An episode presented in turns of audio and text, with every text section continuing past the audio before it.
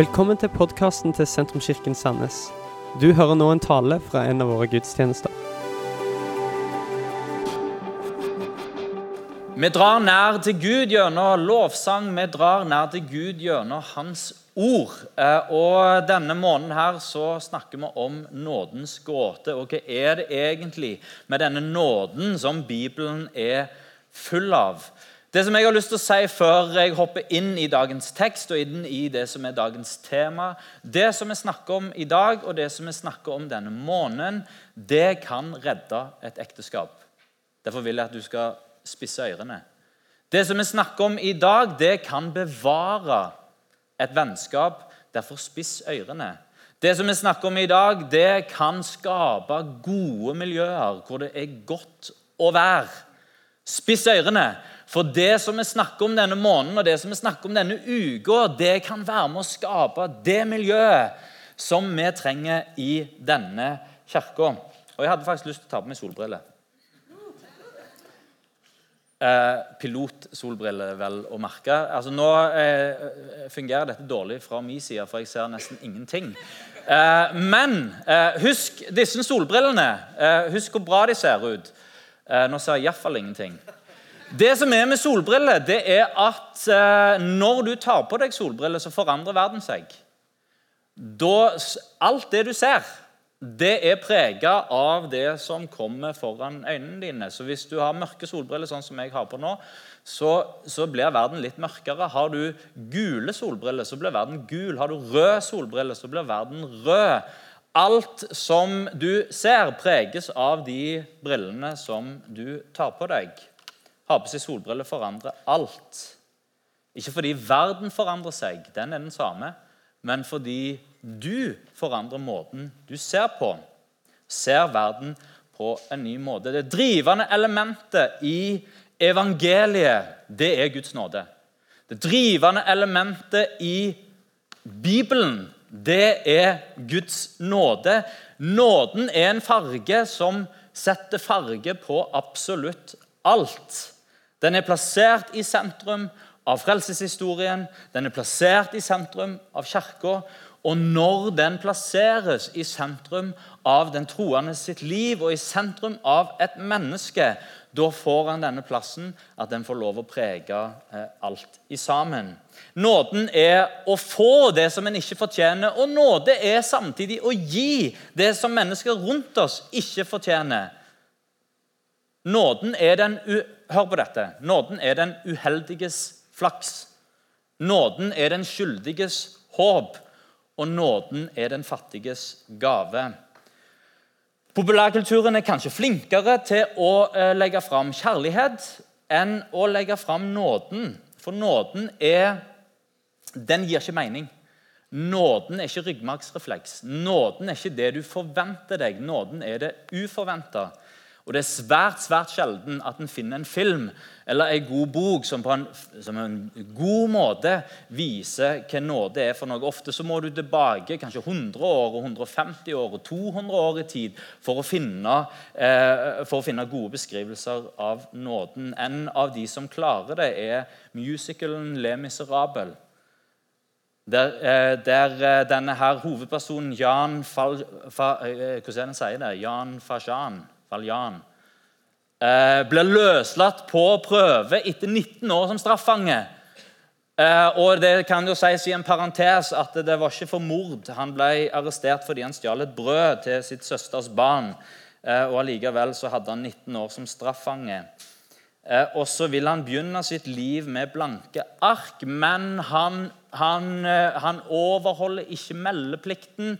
Og da igjen så er han på rømmen. Og omgivelsene er ikke så veldig snille med Jean Valjean. Bare biskopen behandler han godt. Og denne Hovedpersonen som da er hjemme hos biskopen, han takker denne snille biskopen med å stjele sølv fra hans hus. Eh, og Så blir han tatt av politiet, og de konfronterer han med biskopen. Og Biskopen gjør det som er som, som, som ingen venta. Det uventa. Han, han, ser på situasjonen og så sier han, ja, men det sølvet det er en gave fra meg. Og så, og så sier han til politiet vent litt, vent litt. Og så springer han inn. For Det var noe jeg glemte å, å, å, få med i den gaven som jeg ga. Og så kom han med to svære sølvlysestaker. Dette var òg en del av den gaven som jeg ga. Og denne Jean står der og forstår ikke hva, er overrasket og forstår ikke hva som skjer. Hva slags sløseri er det? Hva slags snillisme er dette?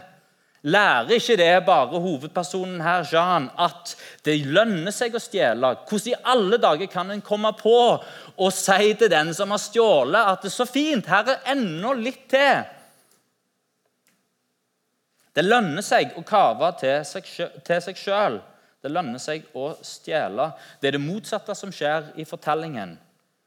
Han velger å vie livet sitt til den nåden som han har blitt vist. Plassere den nåden som han sjøl har blitt vist, i sentrum av livet og av sine, eh, og av sine avgjørelser.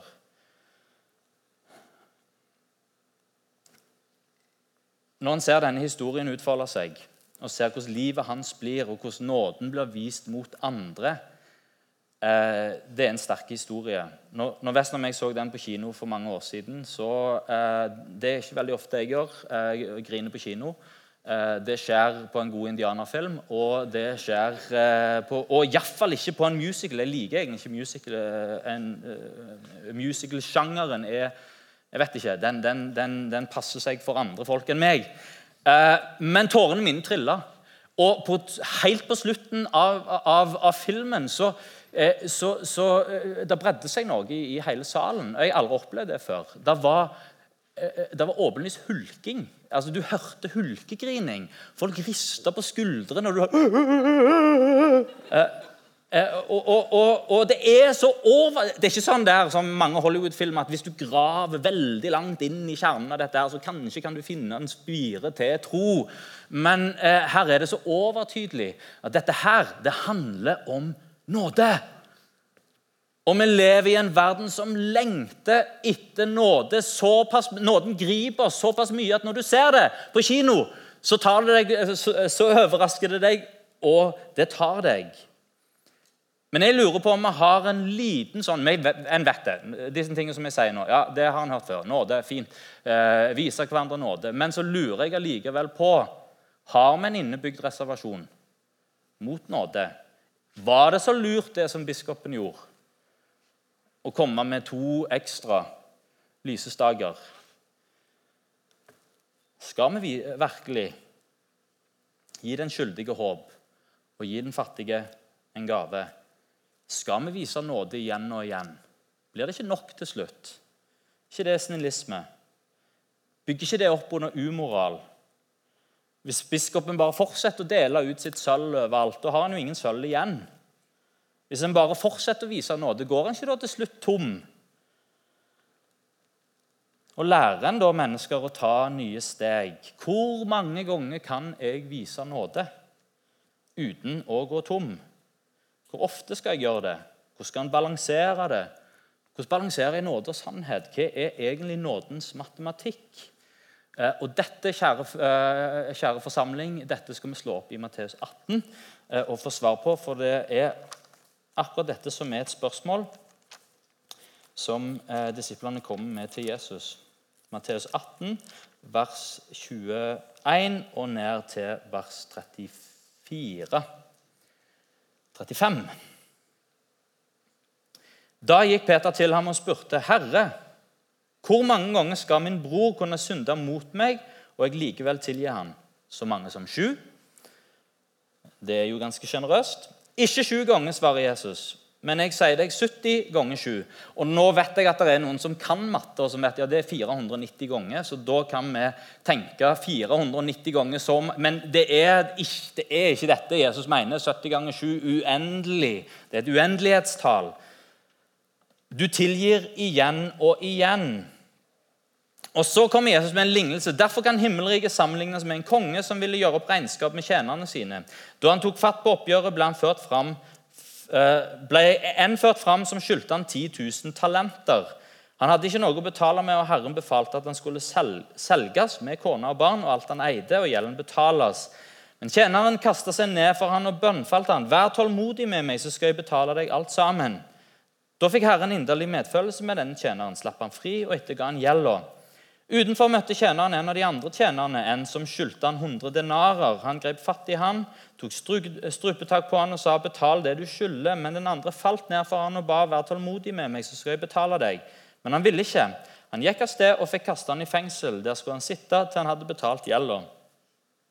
Da de andre tjenerne så hva som skjedde, ble de dypt bedrøvet og gikk og fortalte herren sin alt som hadde hendt. Da kalte Herren han til seg igjen og sa til han, 'Du onde tjener, hele gjelda etterga jeg deg fordi du ba meg om det.' Burde ikke òg du ha vist barmhjertighet mot en medtjener, slik jeg viste barmhjertighet mot deg? Og Herren ble sint og overlot tjeneren til å bli mishandla av fangevoktere til han hadde betalt hele gjelda. Slik og eh, her, her, er det litt sånn eh, eh, Jeg skal prøve å formidle dette her litt. Slik skal òg min himmelske Far gjøre med hver og en av dere som ikke av hjertet tilgir sin bror. Dette er ganske alvorlige ord. Dette er helt i kjernen av hva kristen tro er for noe. Guds nåde som vi får først til oss sjøl, og Guds nåde som vi gir videre til andre. Denne teksten handler jo sånn sett egentlig ikke om verken tilgivelse eller nåde, men om ubarmhjertighet. Og eh, Avsnittet i Bibelen blir kalt for 'den ubarmhjertige tjener'. Vinklingen fra Jesus er og det er jo fra, fra denne talerstolen her, så prøver en, Jeg prøver ofte å ha en, på, uh, en sånn positiv vinkling. Uh, men Jesus' sin vinkling er faktisk ikke positiv, den er negativ. Den snakker om ubarmhjertighet og den ubarmhjertige tjeneren. Så Det handler ikke om hvordan kan vi vise barmhjertighet, hvordan kan vi tilgi, hva er tilgivelsens mulighet, hva er, hva er nådens mulighet i møte med andre. Men Jesus han maler ut hvordan viser mennesker ubarmhjertighet. Og Lignelsen viser oss mennesker sånn som vi er, med vår ryggmargsrefleks. Det som ligger i oss. For det som er vår ryggmargsrefleks, er ikke nødvendigvis hvordan kan jeg vise andre mennesker nåde, men hvordan kan jeg kreve min rett? Og insistere på å se verden fra min synsvinkel. Jeg vil legge fram denne prekenen på en måte som inviterer oss til en sjølevaluering. Og til å spørre seg sjøl er jeg den ubarmhjertige tjeneren. Eh, den første tingen her er at ubarmhjertighet glemmer sin egen skyld. Og, og glemmer hva en sjøl har blitt tilgitt. Den ubarmhjertige sitt regnskap går alltid i pluss i egen favør. I møte med andre så krever jeg min rett, for jeg skylder verken Gud eller andre mennesker noe. Eh, og det er kanskje en av grunnene til at vi er sykelig opptatt av å gi tilbake. Har du lagt merke til det? Eh, en, eh, eller vi vil betale tilbake hvis det er noen som har, har liksom lagt ut for et eller annet. Eller noen som gir en gave. og så, ja, Når kan jeg gi en gave tilbake? igjen? Kan jeg, eh, og, og, Det går ned på 20 kroner. og vipser, Jeg vippser deg for det, og jeg vippser deg for det. fordi vi, Det må være balanse. Jeg må ikke komme ut av balanse, sånn at noen skylder meg noe. Eh, fordi en er opptatt av hva som er Og vi ser det jo særlig rundt jul. Eh, altså Det slår aldri feil. Hvis du, Jeg liker hver jul å gi eh, en gave til noen som det blir bare rart at de, altså de har ingen grunn for å gi tilbake. De må bare ta imot og si takk. Eh, fordi jeg syns det er fint å gi til noen som uten å liksom måtte få tilbake. Mens hvis du, alle, hvis du, har ti venner, og så gir du julegaver til alle ti vennene eh, to uker før, før, før, jul, så vet du at du får julegave tilbake eh, fra alle ti innen jul eh, kommer. Jeg prøvde på en av mine kamerater å eh, eh, levere gaven på julaften. Eh, og det var liksom tolv på julaften. Eh, han har ikke nubbesjanse nå. Eh, jeg hadde kjøpt ei, ei Sig-flaske. Det var veldig populært på 90-tallet. 90 og Så tok han imot den gaven og så sa takk. og Så gikk det en time, så kom han på døra. Da hadde han klart å nå sportsbutikken før den stengte. Og så hadde han jo selvsagt kjøpt ei Sig-flaske i samme fargen. Break even, gode venner. Jeg gir deg ei sikkflaske, eh, Lillei, ei, og den får jeg tilbake igjen. Eh, og Jeg kjenner ikke psykologien i dette, her, men vi tenker lett som mennesker i regnestykker. Hvordan ligger vi an i forhold til hverandre? Hvordan er vi plassert i forhold til hverandre? Hvordan går relasjonen opp? Hvor er andre i forhold til meg? Og dette her, Den juleversjonen det er jo den koselige versjonen. Men det er når vi lever sånn i relasjon til andre, så blir det slitsomt. At vi må telle på alt, at det må gå opp. At vi må ha vår rett, og at det må være rettferdig. Ofte så glemmer vi vår egen skyld. Hvis en glemmer sin egen skyld, så klarer vi ikke å ta imot. Politimannen Javert i Le Miserable han bruker livet sitt på å få denne Jean tilbake igjen i fengsel. Det er, Han, har, han, han, han er eh, Han er trøstesløse i dette. Det er hans rett. Han er politimann, han har brutt meldeplikten, han skal tilbake igjen til fengsel. og Han kjører på og han kjører på, og han gir seg ikke. Han lever sitt liv etter loven og etter rettferdighet. Men så kommer han i en situasjon der han sjøl trenger hjelp. Og den som han jakter på, som han jakter rettferdighet fra, den bøyer seg over han og viser han nåde. Denne fienden Politimannen Javert han orker ikke mer etter det. Han klarer ikke ta imot nåden. Han velger faktisk å avslutte sitt liv, for det blir for tøft å ta imot fra andre det som han sjøl ikke kunne gi til de. Nåde er en rikdom som vi har tatt imot, og som vi kan gi videre. Den ubarmhjertige tjeneren i Jesus' sin lignelse har glemt sin egen skyld, glemt at jeg har fått ettergitt, en ting er i forholdet vårt til Gud, en annen ting er forholdet vårt til andre. Eh, har du opplevd det rare øyeblikket når noen kommer til deg og sier du, jeg, eh, jeg tilgir deg? Og så sier jeg ja, eh, takk. Eh, og så går en tilbake igjen og lurer på i alle dager, hva var det for noe. Eh, jeg tilgir deg. Hva Har jeg gjort noe galt mot den personen? Nei, det har jeg ikke. Så går en gjennom situasjoner, og det som skulle være en sånn jeg, jeg tilgir, et fint øyeblikk, jeg viser nåde, jeg tilgir deg, det blir motsatt. Det blir å gå hjem og selv evaluere seg sjøl og prøve å finne ut hva i alle dager har jeg gjort mot denne personen. Eh, og så blir det problem å prøve å finne, og Hvis en da ikke eh, klarer å finne ut av hva det var, så får en kanskje høye skuldre i møte med det mennesket. Eh, hva lærer det oss for noen ting? Det lærer oss at vi gjør ting overfor andre uten en gang å tenke på det. En påfører andre kanskje smerte uten at det var intensjonen. Eh, jeg tror vi kan gå med en holdning av at eh, ja, det kan hende jeg har fått masse nåde fra kona mi. Uten at du har gått rundt og sagt 'jeg tilgir deg, jeg tilgir deg'. Jeg tilgir deg. Jeg kan ha fått masse nåde fra familien min, fra, fra foreldre, fra venner, fra folk på arbeidsplassen. Jeg vet at jeg har fått masse nåde fra min nabo Min snille, snille nabo som viser meg hva nåde er for noe. Vann ute og så, eh, og så eh, klipper gresset på si side av plenen. Men samtidig som han eh, klipper gresset på si side av plenen, så går han videre over på min. Eh, og så gjør han det igjen og igjen. Det hele plenen er nyslått og fine.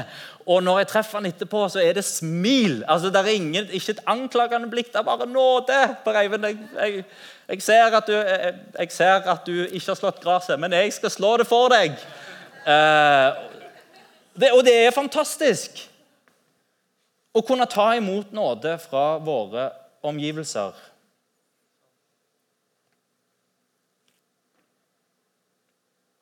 Jeg har òg opplevd at, jeg, at eh, en innser i ettertid at Oi, det som jeg gjorde der, det var ikke bra.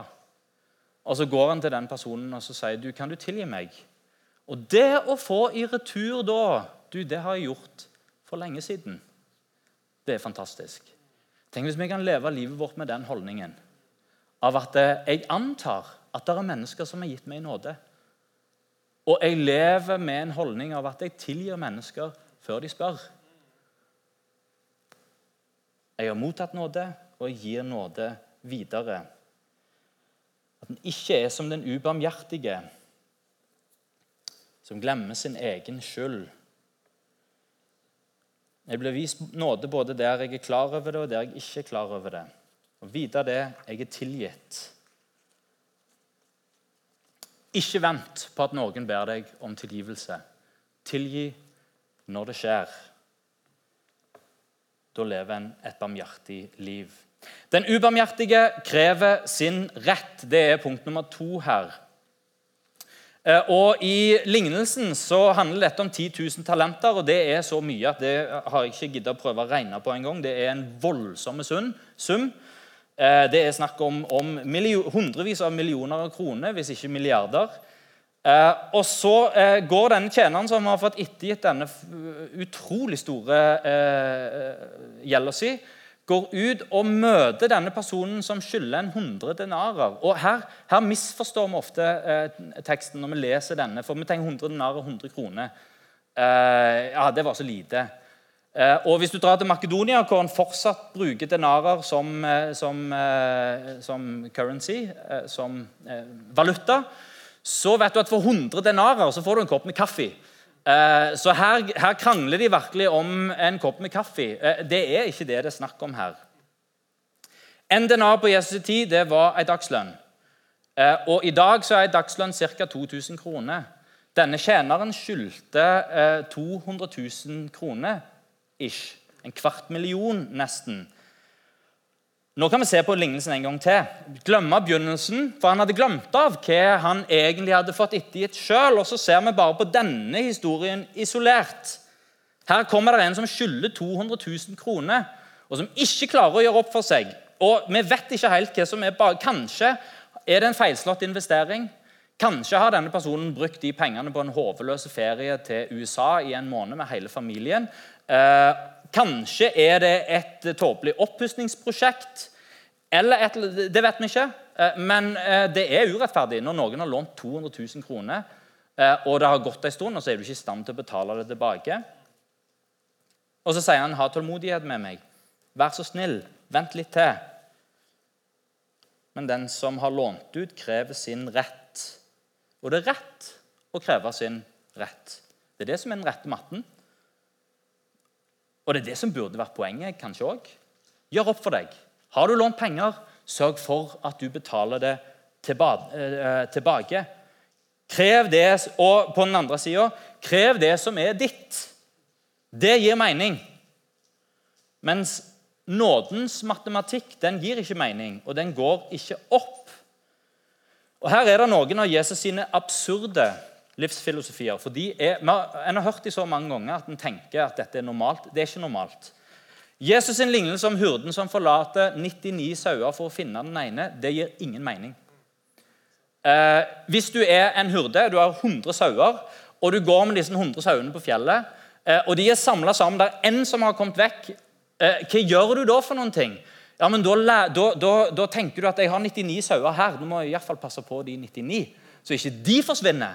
Eh, og hvem vet hvor lang tid det vil gå, og, og, hvem vet hva som har skjedd med den sauen? Kanskje den ned forbi en klippe og død. Kanskje det er en bjørn som har tatt den. Eh, det, det, det, lureste å gjøre akkurat nå er å bare trygge de 99 som jeg har, så godt som det lar seg gjøre. Og så får den ene klare seg. Jesus han sier det er ikke sånn vi gjør det. En forlater de 99 for å finne den ene. Det går ikke opp. Jesus var i den jødiske byen Kapernaum.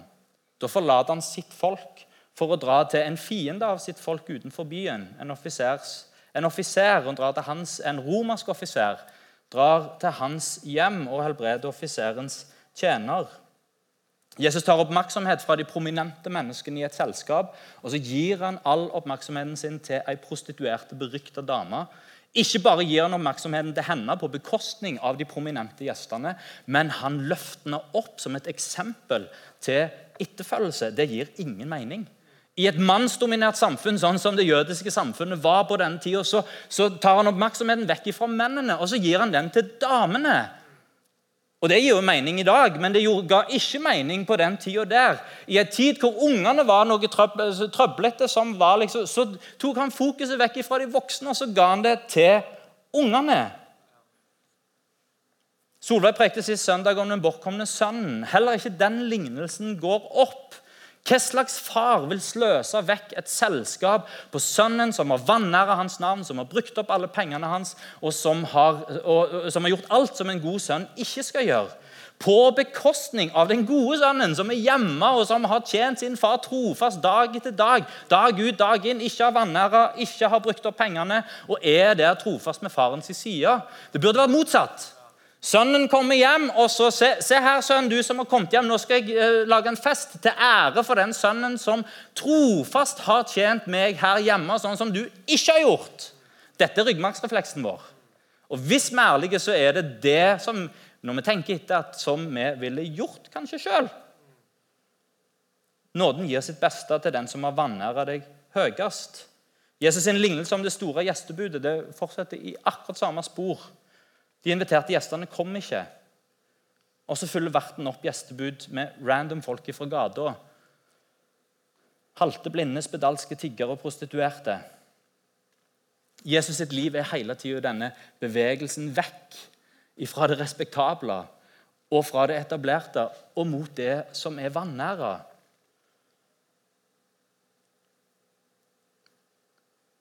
Jesus vet at han skal dø. Han vet at hans disipler, alle som en, skal forlate han. Han vet at Judas ikke bare skal forlate han, men faktisk forråde han. Allikevel så setter han seg ned med alle sine venner eh, og eh, deler et siste måltid. Han snakker til alle som skulle forlate han som venner. Eh, han gir dem ingen refs, ingen skuffelse, men han gir dem bekreftelse. Han gir dem uforbeholdent vennskap, og han forsterker deres forhold forholdet med dem med å si gjør dette, eh, gjør dette måltidet til minne om meg. Og Før Judas går, så sier han, 'Gjør det du må, venn'. Nåden gir tilgivelse før det onde har skjedd.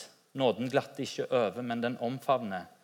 Nåden er ikke opptatt av hva som passer seg, hva som er rettferdig. Nåden er ikke opptatt av å få sin rett. Har vi av og til i Norge en undertone av forventning mot hverandre? Eh, at sannhet er veldig viktig for oss. Eh, og at vi passer på at alle holder seg innenfor det som er rett, og det som er sant. Kanskje kan den undertonen da av og til bli litt anklagende. Thomas Åleskjær sier det at når det er en undertone, så blir ofte det undertonen blir ofte tonen. Eh, fordi vi fanger den opp, og så preger det alt det andre. Kirka er opptatt av sannhet. Og Kirka skal være opptatt av sannhet, fordi vi tilber Han som er veien, sannheten og livet. Jesus sier dere skal kjenne sannheten, og sannheten skal sette deg fri. Og det er driven etter å kjenne sannheten som har gitt oss vitenskap. Eh, ateisten John Gray han, han kaller det, den er finurlige, han kaller ateisme for en kristen sekt. Eh, fordi det er, ateismen har, har, oppstått i en kristen kultur der en er opptatt av å finne sannhet. Så det han sier, det, det, Ateismen kommer ut av et ønske om å finne ut av hva som er sant. Fordi sannhet har blitt gjort til en sånn viktig verdi og til det som driver livet vårt. Men når Kirka tar sannhet og møter verden med anklage, da mister vi noe. Hvem vil du møte når du dummer deg ut? Anklagende sannhet eller en omfavnende nåde? Tror vi evangeliet, tror vi og tror vi Guds ord, så er Kirka satt i en verden som har dumma seg ut.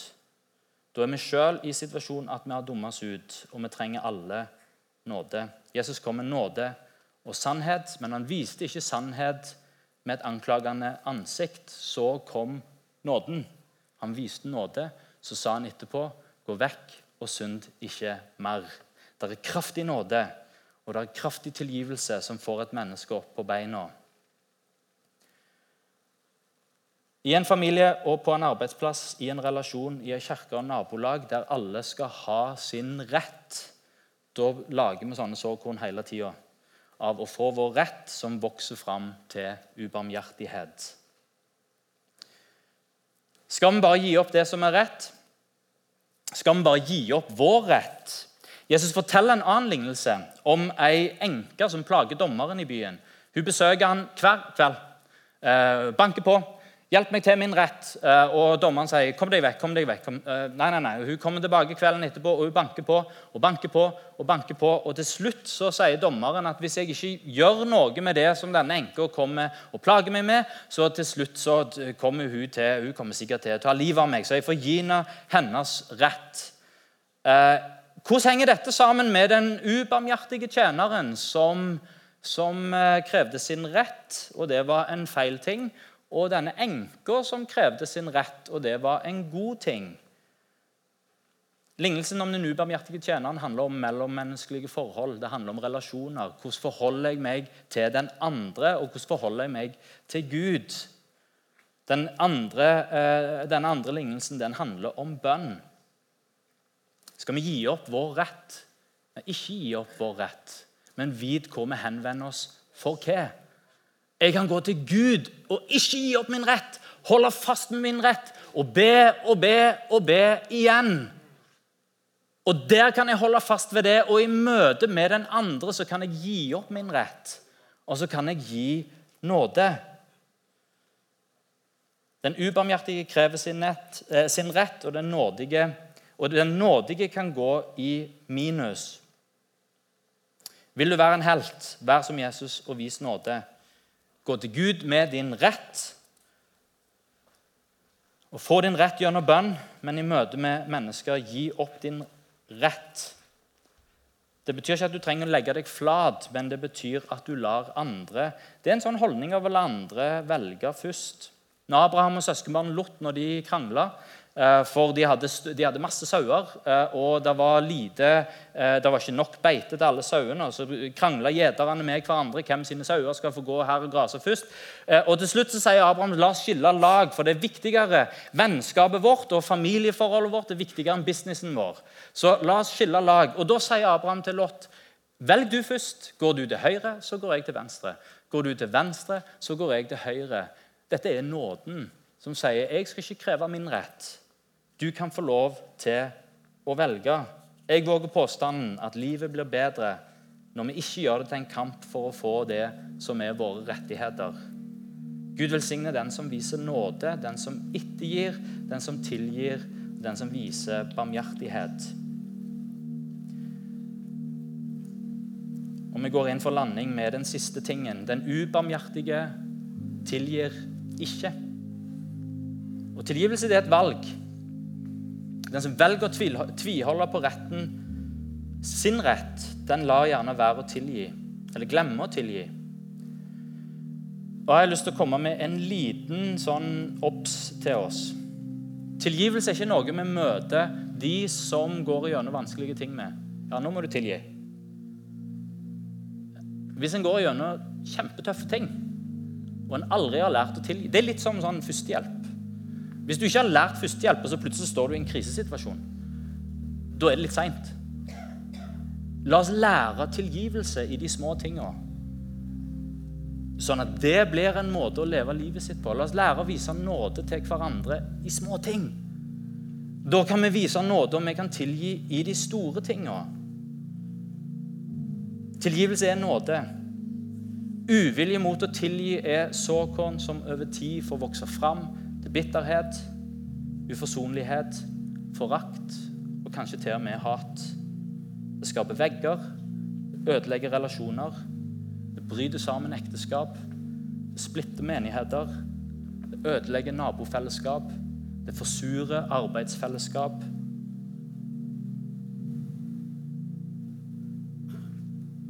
Alle disse fellesskapene blir gode når vi lærer å tilgi.